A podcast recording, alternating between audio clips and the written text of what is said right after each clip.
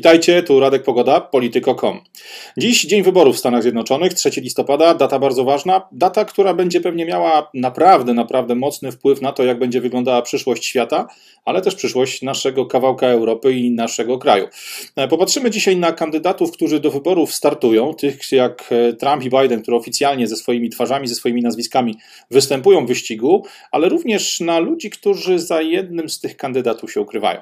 E, zacznijmy od tego, co widać na wierzchu, od tego, co widać na opakowaniu. Tych dwóch panów, można powiedzieć, jest bardzo podobnych do siebie.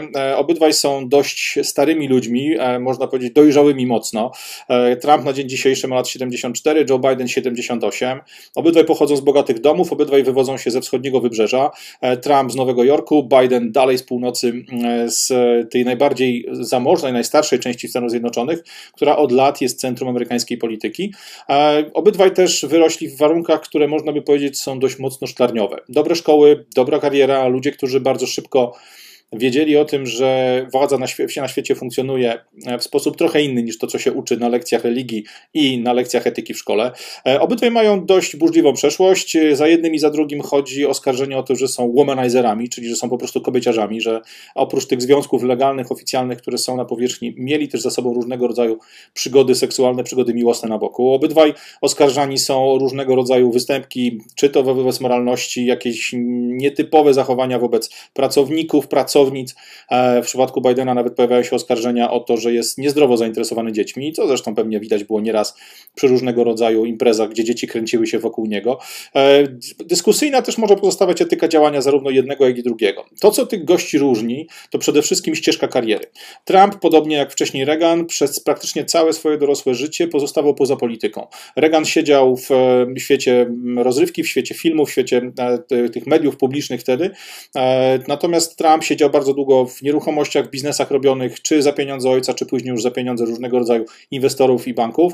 E, Trump osiągnął swoją pozycję biznesową, można powiedzieć, w dużym stopniu dzięki swoim relacjom, kontaktom i swojej własnej pracy.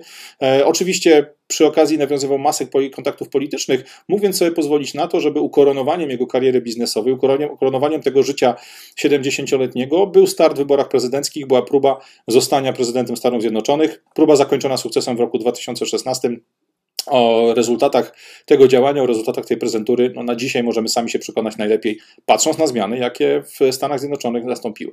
E, co, co go różni od Bidena, to właśnie ta ścieżka. Biden już od samego początku, od e, początku swojej, e, swojej drogi szkolnej tak naprawdę, już od studiów, cały czas siedzi głęboko w polityce. W roku 61 poszedł na studia politologiczne, od roku 70 stale funkcjonuje na różnego rodzaju urzędach publicznych.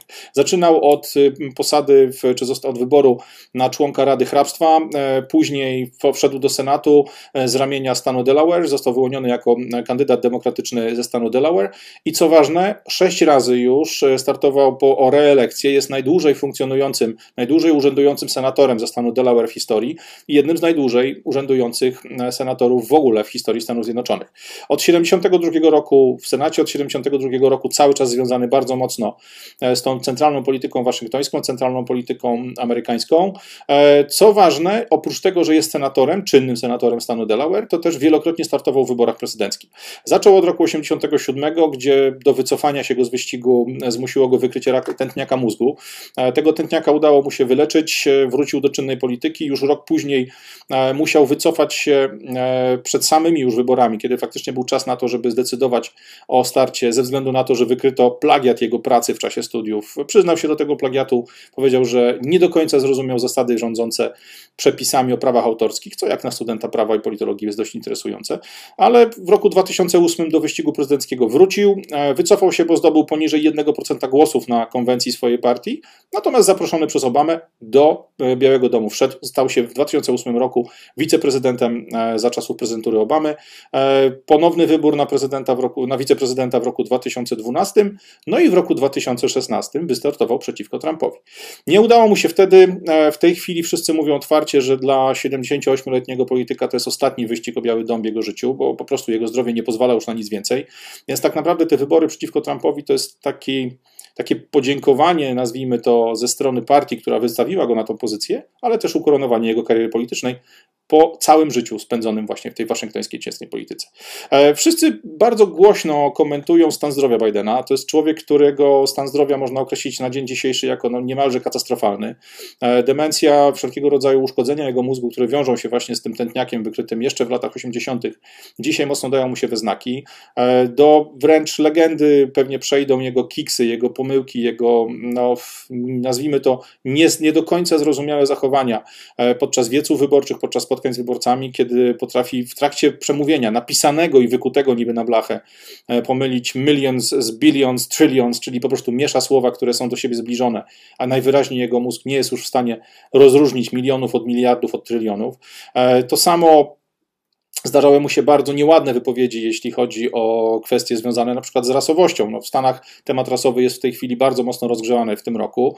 E, no i wypowiedź, że white kids are not smarter than poor kids, czyli że dzieci białe wcale nie są bardziej inteligentne od dzieci biednych, jednoznacznie wskazujące, w jaki sposób on postrzega murzynów, on postrzega e, latynosów, ludzi, którzy są innego koloru skóry i funkcjonują na środowisku amerykańskim. E, oczywiście zdarzają się też straszne rzeczy, takie jak to, że na przykład nie potrafi zbyt szybko czytać z telepromptera, z tego urządzenia, które wyświetla mu tekst przed nosem i w czasie przemówienia e, potrafi machać ręką, żeby mu ten teleprompter przybliżyć, pozwolnić, obniżyć ten tekst i tak dalej.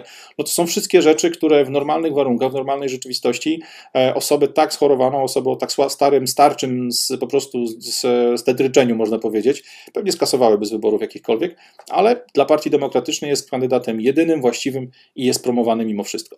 E, mówi się o tym wprost, że jest pompowany na czas debat, zresztą myślę, że można to zobaczyć, jeśli ogląda się jego debaty w tym właśnie wyścigu prezydenckim, czy to teraz z Trumpem, czy wcześniej w trakcie wyścigu, na przykład z Kamalą Harris, widać, że na czas trwania tych debat on dostaje albo jakieś bardzo silne leki, albo jakieś inne substancje czynne, które sprawiają, że przez tą chwilę, przez te kilkanaście, kilkadziesiąt minut przed kamerami faktycznie trzyma się kupy i zajmuje jakoś w miarę sensowną stanowisko, w miarę dobrze, dobrze gada.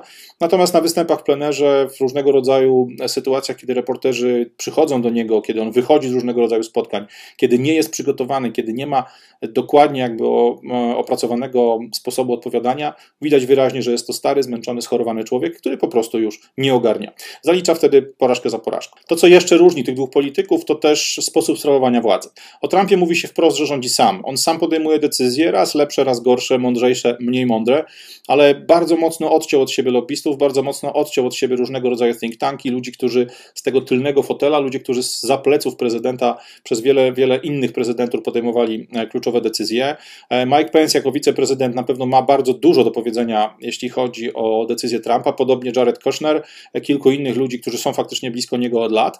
Natomiast mówi się w Waszyngtonie wprost o tym, że mało lobbystów ma dostęp do Trumpa, że Trump wiele rzeczy wykonuje ze względu na interes amerykańskich korporacji, ale nie w interesie. To znaczy nie patrzy wprost na to, żeby jakaś jedna pojedyncza firma zyskała na danej konkretnej decyzji, bardziej patrzy na to, w jaki sposób jego decyzje wpłyną na los całego amerykańskiego biznesu, czy powiedzmy jego sporej części. Oczywiście nie jest tu bez winy, wiele decyzji można być dyskusyjnych, ale to jest ogromna różnica, bo o Bidenie można powiedzieć wprost, ten człowiek jest zawodowym politykiem, nigdy nie interesował się gospodarką, nigdy nie interesował się ekonomią, o pieniądzach wypowiada się bardzo mało, bardzo rzadko zajmuje stanowisko w sprawach gospodarczych, skupia się głównie na polityce zagranicznej, na polityce wewnętrznej, na tym, żeby ustawiać pionki na szachownicy politycznej. Możemy powiedzieć z jasnym jakby założeniem, że jego politykę, jeżeli wygra wybory, będzie w dużym stopniu układał ktoś z tylnego fotela. Pewnie będą to ludzie z Goldman Sachs, pewno będą to ludzie e, z organizacji, e, które można określić szumnie jako Military Industrial Complex, ludzie, którzy siedzą w tym kompleksie militarno-gospodarczym, którzy też mają niemały wpływ na Trumpa, ale jednak nie tak bezpośredni. No i właśnie co do reprezentantury Bidena. Co się stanie, kiedy Biden, jeśli Biden zostanie wybrany na prezydenta? Możemy założyć tak naprawdę mm, scenariusz, który ja nazywam koniem trojańskim. To znaczy, jeśli Biden wygra prezydenturę, to teoretycznie oczywiście będzie tym prezydentem, będzie osobą, która zostanie nominowana, która zostanie wprowadzona jakby we wszelkie tajemnice państwowe, zostanie mu przekazany władza nad guzikiem atomowym i wiele, wiele innych rzeczy, pewnie dla nas zwykłych ludzi dużo ważniejszych niż sama bomba atomowa, bo rzeczy związanych z ekonomią, z zachowaniem Ameryki w stosunku do swoich sojuszników i tak dalej.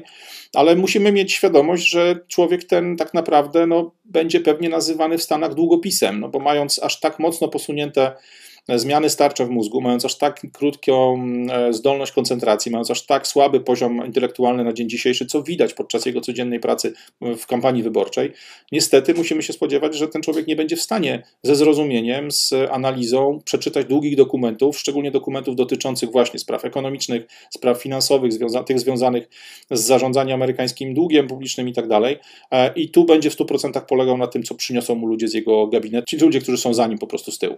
Natomiast ja myślę, że ta perspektywa osoby, która będzie podpisywała wszystko, co zostanie przygotowane gdzieś na korytarzach jego domu, to jest ten mniej groźny scenariusz.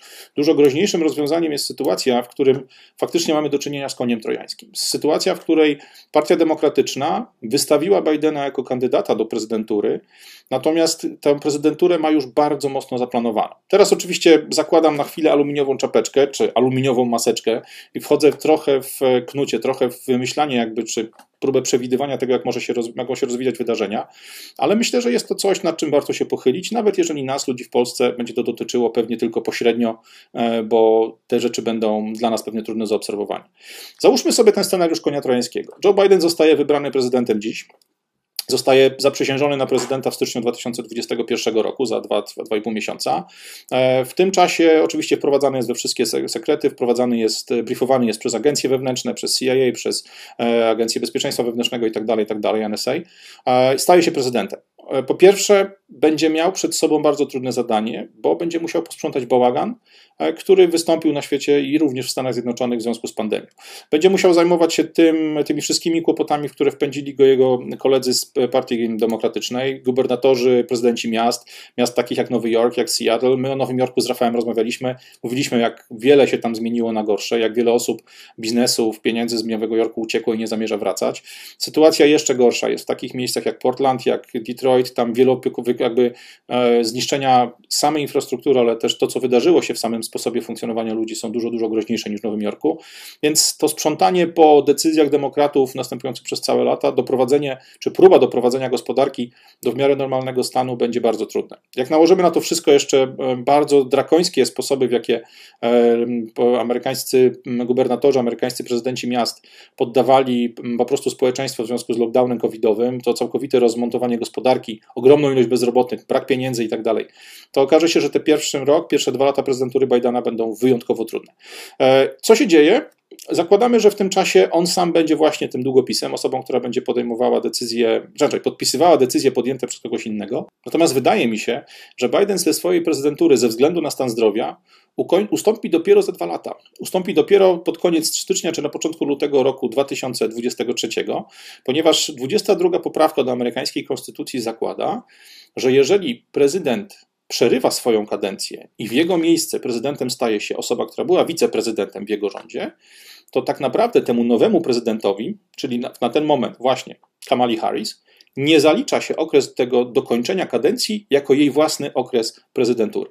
Amerykańskie prawo ogranicza czas prezydentury jednego człowieka do tylko dwóch kadencji. Jeżeli więc w tym momencie mamy sytuację taką, że Joe Biden staje się prezydentem i na przykład za dwa lata oddaje tą prezydenturę Kamali Harris, która przez te dwa lata cały czas razem z nim rządziła krajem, to mamy sytuację taką, że Harris ma przed sobą dwa lata prezydentury Bidena, a później jeszcze dwie pełne kadencje, które, po które może walczyć pod własnym nazwiskiem. Staje się więc w tym momencie prawie Putinem, osobą, która przez 10 lat może zarządzać największą gospodarką świata, czy jedną z największych gospodarek świata, a na pewno największym światowym supermocarstwem. E, w tym momencie co to oznacza dla nas? Co to oznacza dla ludzi z Europy? Co to oznacza dla ludzi, którzy ze Stanami Zjednoczonymi połączyli e, nierozerwalnie swoje losy, no bo Polska, jak sami wiecie, jest e, no tak naprawdę jeden na jeden związana z, z, losem amerykańskim. Żeby spojrzeć na to, co nam może grozić, jak może wyglądać przyszłość Polski właśnie w tej nowej rzeczywistości nowej Ameryki, musimy zastanowić się tym, kim jest Kamala Harris, przede wszystkim poznać ją, bo podejrzewam, że większość Polaków na temat tej pani nie ma absolutnie żadnego pojęcia. Przede wszystkim Kamala Harris jest młoda. Jak na amerykańskiego prezydenta czy wiceprezydenta jest młoda bardzo, bo ma lat 56 zaledwie. To jest osoba, która ma przed sobą jeszcze spokojnie 15 lat, tak takiej szczytowej kariery politycznej może naprawdę dużo zrobić, jeśli chodzi o politykę amerykańską, politykę światową. Ona ma przed sobą jeszcze naprawdę dużo czasu. Poza tym jest to osoba, która w tą politykę, podobnie jak Joe Biden, zaangażowana jest od zawsze. Ona już y, w 1981 roku wybrała studia politologiczne od y, lat, później, wczesnych lat 90. przez ścieżkę prawną, będąc najpierw prokuratorem jakby okręgowym, potem prokuratorem e, okręgowym w San Francisco, prokuratorem generalnym w Kalifornii. Ona przez swoją prokurator, prokuratorską ścieżkę, ścieżkę prawną, w ciągu kilkunastu lat doszła do najwyższych urzędów państwowych. Co więcej, nawet będąc prokuratorem, nawet zajmując się robotą po prostu człowieka, który siedzi w wymiarze sprawiedliwości, cały czas mówiła wprost, że ona chce siedzieć przy stole, przy którym podejmowane są decyzje. Mówiła, że świat potrzebuje więcej prokuratorów, którzy są świadomi społecznie i jej codzienne działania, jej codzienna praca osoby, która siedzi w systemie wymiaru sprawiedliwości, pokazywała dokładnie to. Ona często podejmowała decyzje, które były raczej powodowane, co ją zarzucali jej dziennikarze, sprawiedliwością społeczną, a nie sprawiedliwością jako taką, czy przepisami amerykańskimi. Oczywiście nigdy nie łamała prawa, nie miała sytuacji, które były ewidentnie mm, niezgodne z prawem, ale często mówi się o tym, że jest to raczej wojowniczka o prawa, jest to raczej osoba, która ma e, ochotę zmienić porządek świata, niż tak ktoś, kto będzie dbał o to, żeby ten porządek ustalony dobrze funkcjonował i trwał przez lata.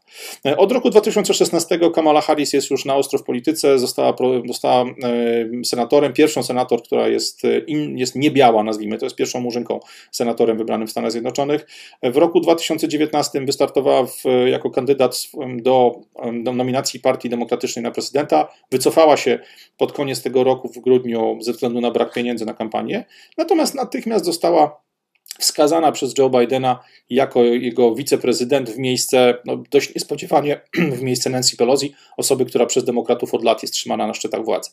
E, to, co jest bardzo ciekawe na temat Kamali Harris, to jest to, że wiele osób mocno jej nie docenia. Są tacy, którzy w Stanach mówią wprost, że jest to osoba, która na swoje, do swojej politycznej wagi, do swojej politycznej ważności doczłapała się przez łóżko, e, wyciągają jej związek z Willie Brownem. Willie Brown to bardzo ważna osoba, o której porozmawiamy za chwilę.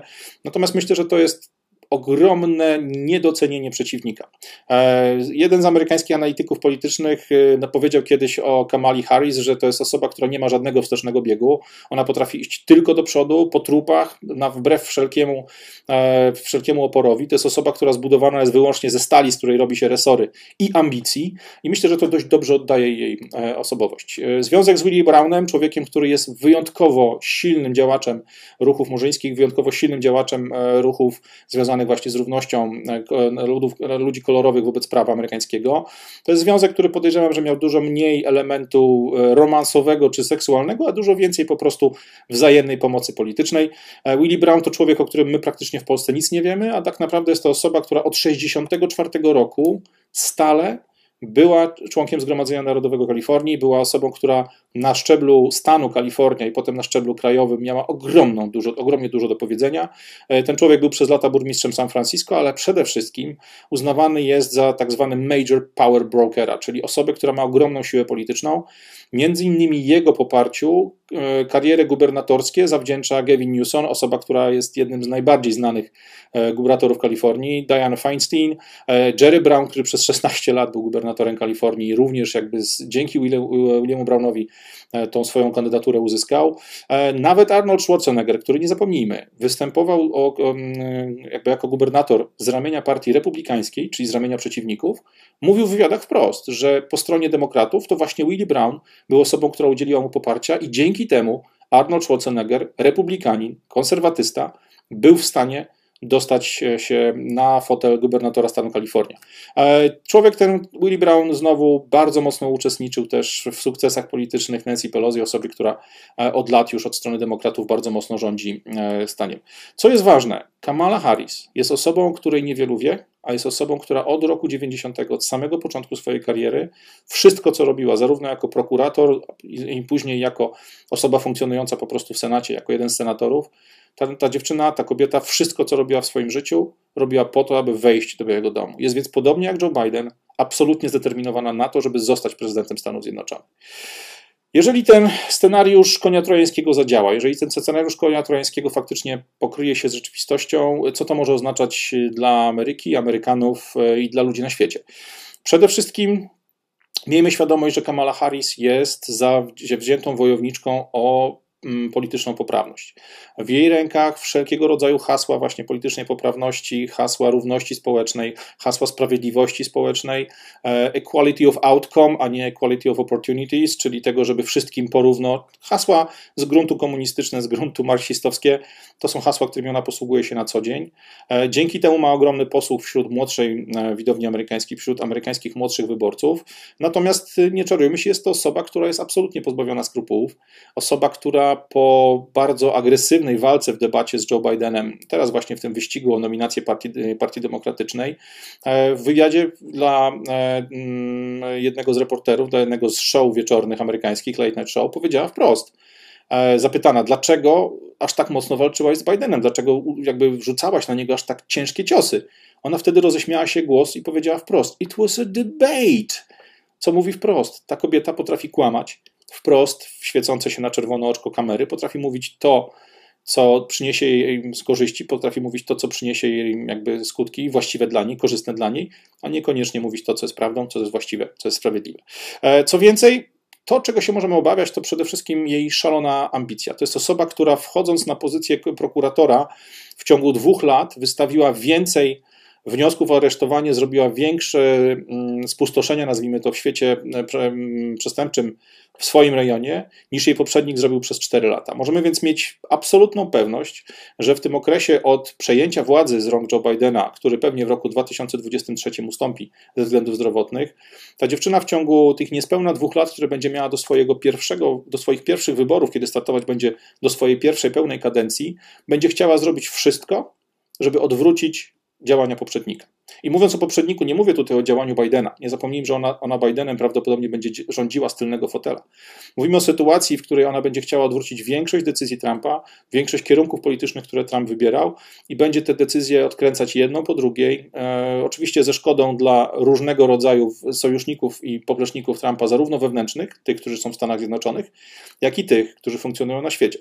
A tu niestety pojawia się kiepska informacja dla nas, bo to właśnie idea Trójmorza, bo to właśnie Polska, wielkie wielkie imperium jest y, otwarcie e, uznawana, podobnie jak Węgry, za tych najbliższych sojuszników Stanów Zjednoczonych, za te kraje, za te e, gospodarki, za tych, te zespoły, za te narody, które tak naprawdę na Trumpie, na jego sposobie rządzenia, na jego wizji Ameryki zbudowały swój spokój.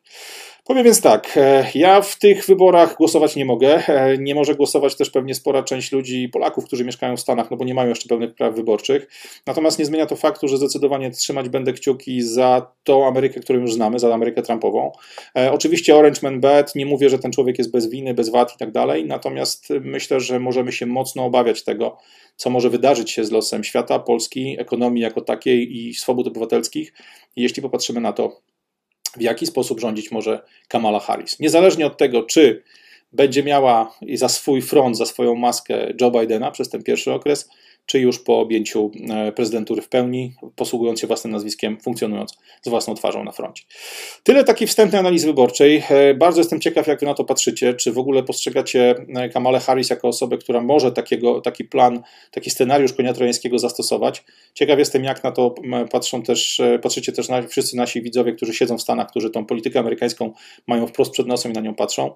Jeśli macie jakieś przemyślenia, wrzućcie je proszę do komentarzy, bardzo chętnie je poczytamy i pewnie popatrzymy na to w najbliższej przyszłości, zobaczymy na to, co będzie się działo w amerykańskiej polityce. Serdecznie dzięki za uwagę. Radek Pogoda, polityko.com. Do następnego. Cześć.